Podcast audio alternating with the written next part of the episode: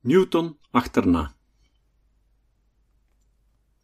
Behalve natuurhistorische werken, zoals von Humboldt's Personal Narrative, las Darwin in Cambridge ook wetenschapsfilosofie om inzicht te verwerven in de juiste methode van wetenschappelijk onderzoek. Ik vermeldde al de wetenschapsfilosoof John Herschel, wiens Preliminary Discourse on the Study of Natural Philosophy, 1831, hij met enthousiasme en bijzondere aandacht las. Ook de wetenschapsfilosoof William Whewell is van belang. Zijn belangrijkste werk, The Philosophy of the Inductive Sciences, verscheen pas in 1840. Maar Darwin kende beide wetenschappers persoonlijk en was door gesprekken met en de lectuur van teksten van Whewell ongetwijfeld vertrouwd met diens wetenschapsfilosofische opvattingen. Herschel en Whewell namen verschillende metafysische standpunten in, maar hun opinies over de juiste wetenschappelijke methode waren zo goed als gelijklopend. Hoe ziet een wetenschappelijke theorie eruit en wat voor bewijzen moet de ontwerper ervan kunnen voorleggen? Herschel en Whewell omschreven goede wetenschappelijke theorieën als hypothetisch-deductief. Dergelijke theorieën bevatten wetten waarmee de werkelijkheid kwantitatief kan worden uitgedrukt. Voor Herschel en voor Whewell was Newtons mechanica, in het bijzonder zijn astronomie, het model van een goede theorie.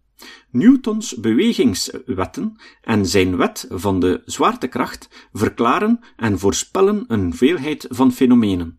Bovendien kunnen ze kwantitatief worden uitgedrukt.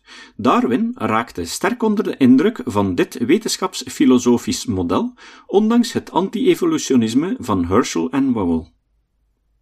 Hij wilde de Newton van de biologie worden en nam Herschel's en Whewell's visie op wetenschap over. Later probeerde hij zijn evolutietheorie te formuleren binnen hun ideale kader. Zowel Herschel, Whewell als John Stuart Mill, de derde belangrijke 19e-eeuwse Britse wetenschapsfilosoof, reageerden negatief op zijn evolutietheorie. Op de redenen hiervoor kom ik later nog terug. Hier wilde ik voornamelijk aantonen dat het beeld van Darwin, zoals vaak naar voren wordt gebracht in de Darwin-literatuur van enkele decennia geleden, als iemand die voor de reis met de Beagle vrijwel niets van wetenschappelijke en de toenmalige wetenschappelijke methode afwist, duidelijk foutief is. Vergelijk bijvoorbeeld G. Carter.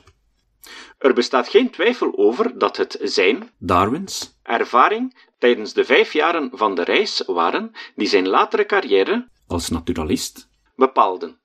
1957, pagina 45. Met bijvoorbeeld E. Meyer. De mythe wordt steeds herhaald dat Darwin een naturalist werd door zijn ervaring met de beagle. De feiten spreken die bewering tegen. Darwin, die in 1831 aan boord ging van de Beagle, was al een ongebruikelijk ervaren naturalist.